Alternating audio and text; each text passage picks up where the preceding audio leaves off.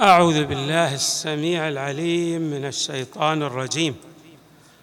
بسم الله الرحمن الرحيم والحمد لله رب العالمين. والصلاة والسلام على أشرف الخلق سيدنا ونبينا محمد وآله أجمعين الطيبين الطاهرين.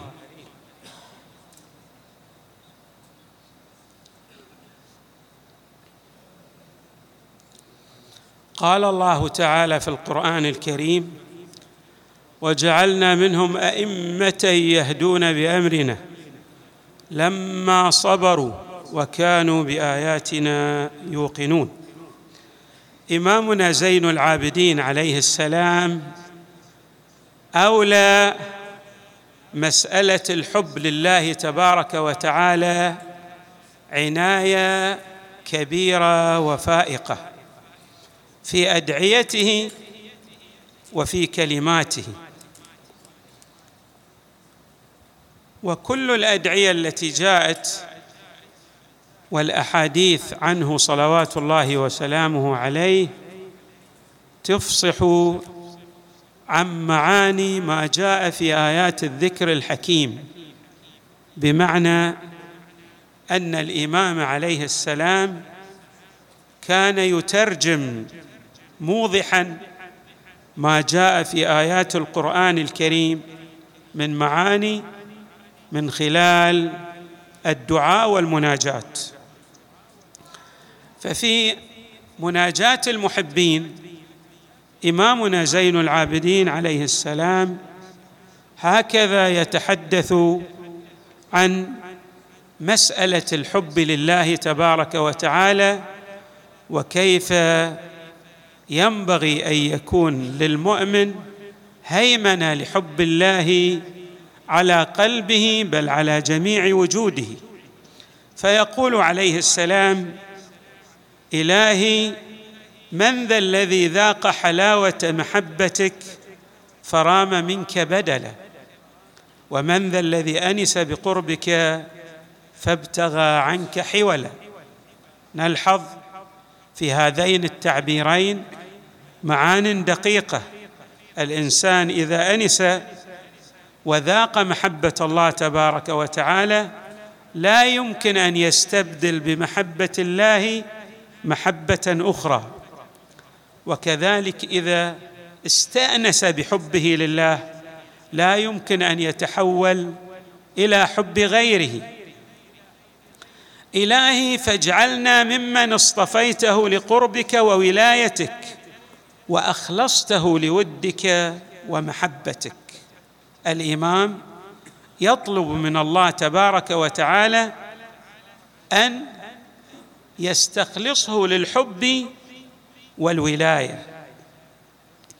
وأخلصته لودك ومحبتك وسوقته إلى لقائك ورضيته بقضائك. وكأن هذه مطالب تترتب على حب المؤمن لله تبارك وتعالى. من أهم هذه المطالب أن يكون الإنسان يشتاق إلى الله تبارك وتعالى. بمعنى يؤثر الحياة الآخرة على الحياة الدنيا. كما أنه يرضى بقضاء الله حتى في أصعب وأمر الظروف التي تمر عليه لأنه يعرف كما جاء عن علي عليه السلام أن الله لا يختار للمؤمن إلا خيرا. ورضيته بقضائك ومنحته بالنظر إلى وجهك وحبوته برضاك وأعذته من هجرك وقلاك وبوأته مقعد الصدق في جوارك. في مقعد صدق عند مليك مقتدر. ويسترسل الإمام عليه السلام ليبين لنا بعض الآثار المترتبة على محبة الله تبارك وتعالى بحيث ينقطع المؤمن عن حبه لما سواه ويخلص مساره في قطعه لهذه المسافات البعيدة إلى أن يصل إلى الله وصولا حقا بمعنى يستولي اليقين على قلبه فلا يؤثر على محبة الله محبة أحد سواه. ولهذا يقول يا غاية آمال المحبين أسألك حبك وحب من يحبك وحب كل عمل يوصلني إلى قربك وأن تجعلك أحب إلي مما سواك وأن تجعل حبي إياك قائدا إلى رضوانك وشوقي إليك ذائدا عن عصيانك بحيث لا يعصي الله. ينصهر في بوتقة هذا الحب الإلهي فيذوده هذا الحب عن معصية الله تبارك وتعالى. ثم يقول الإمام ومن ومن بالنظر إليك علي وانظر بعين الود والعطف إلي ولا تصرف عني وجهك واجعلني من أهل الإسعاد والحظوة عندك يا مجيب يا أرحم الراحمين. وهكذا في مناجاة العارفين الإمام أيضا عليه السلام يبين كيف ينبغي للحب أن يترسخ في عمق وجود الإنسان بحيث هذا الحب تزول الجبال الرواسي ولا يزول حب الله عن عمق وجدانه.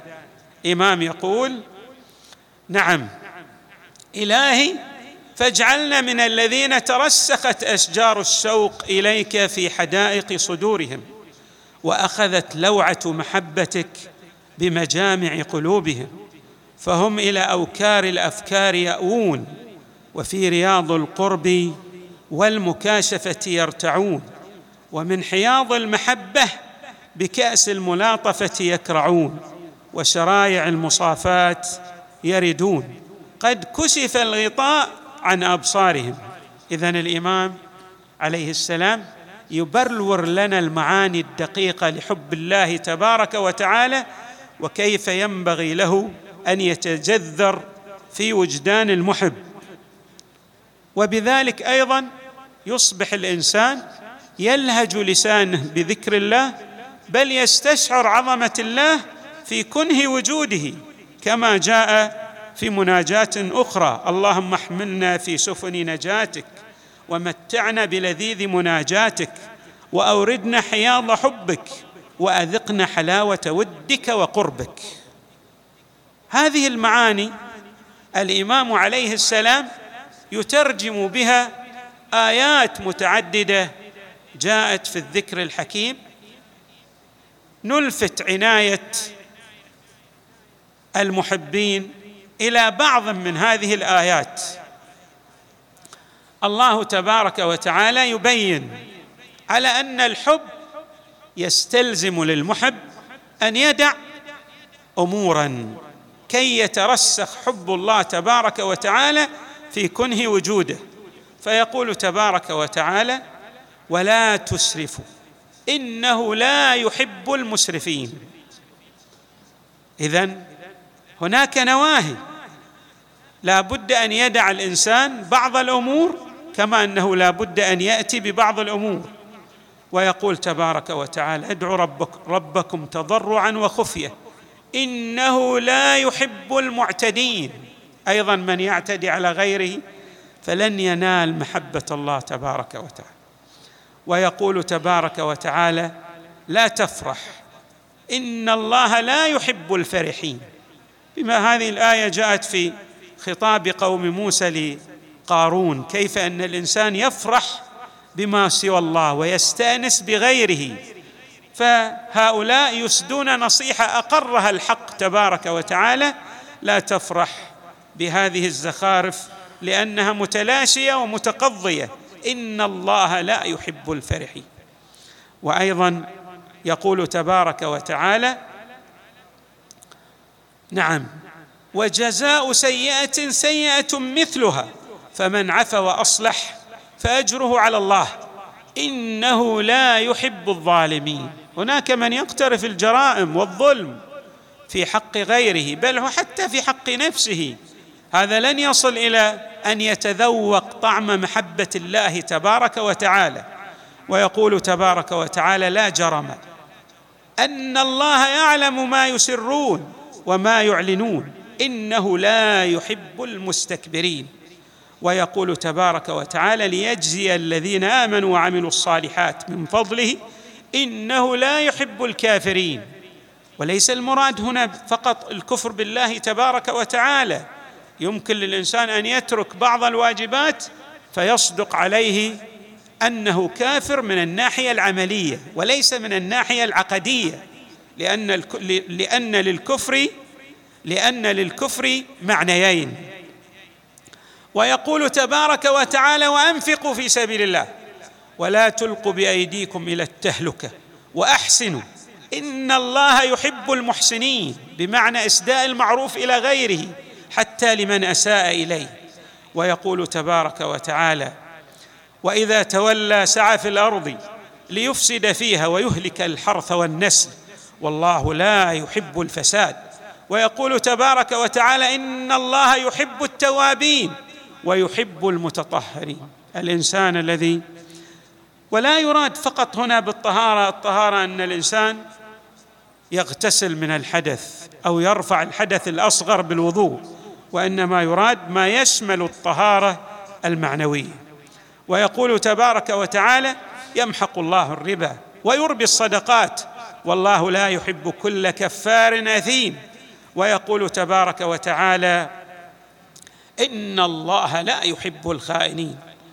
ويقول تبارك وتعالى بلى من أوفى بعهده واتقى فإن الله يحب المتقين. هذه معان جاءت في القرآن الكريم لا بد لمن أراد أن يصل إلى محبة الله ويترجم ما جاء في أدعية إمامنا زين العابدين كما قلنا أن يدع بعض النواهي التي جاءت في القرآن الكريم فيما يتعلق بمحبة الله تبارك وتعالى لينال طعم هذه المحبة ويتذوق حلاوة الإيمان بالله تبارك وتعالى.